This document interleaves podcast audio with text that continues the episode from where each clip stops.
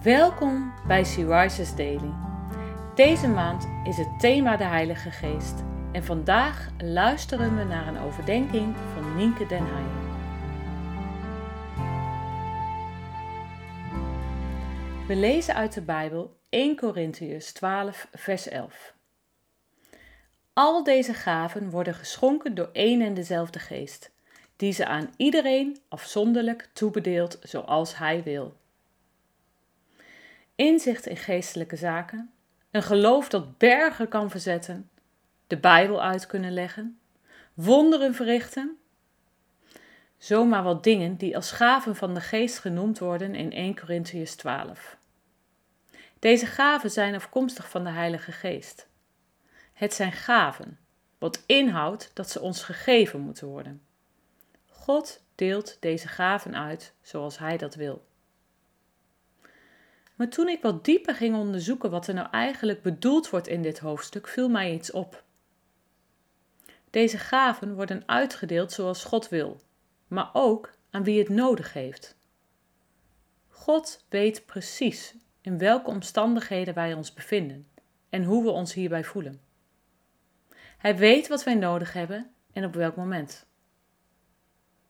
Het deed me denken aan een verhaal van Corrie ten Boom dat ik ooit las Nadat ze haar vader verteld had dat ze bang was niet sterk genoeg te zijn om te lijden voor Jezus, stelde hij haar een vraag.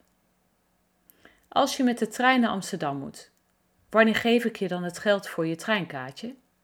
Drie weken van tevoren? Nee, u geeft me het geld vlak voor we de trein ingaan. Precies, zei haar vader.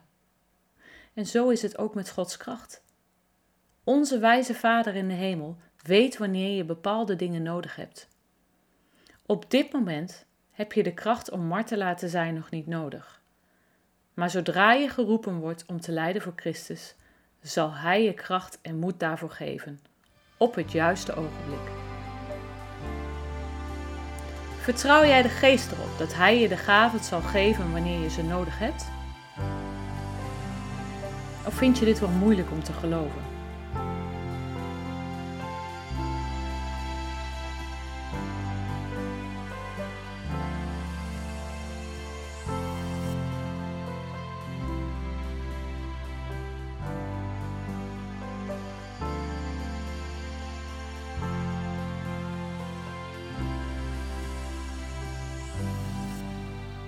Laten we samen bidden.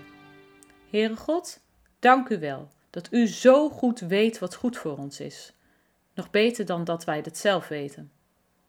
Heilige Geest, dank u wel dat u uw gaven ook zult geven wanneer ik ze nodig heb. Op uw tijd en niet op die van mij. Ik wil erop vertrouwen dat uw tijd de juiste tijd is. Amen. Je luisterde naar een podcast van Rises. Rises is een platform dat vrouwen wil bemoedigen en inspireren in hun relatie met God. Wij zijn ervan overtuigd dat het Gods verlangen is dat alle vrouwen over de hele wereld Hem leren kennen. Kijk op www.she-rises.nl voor meer informatie.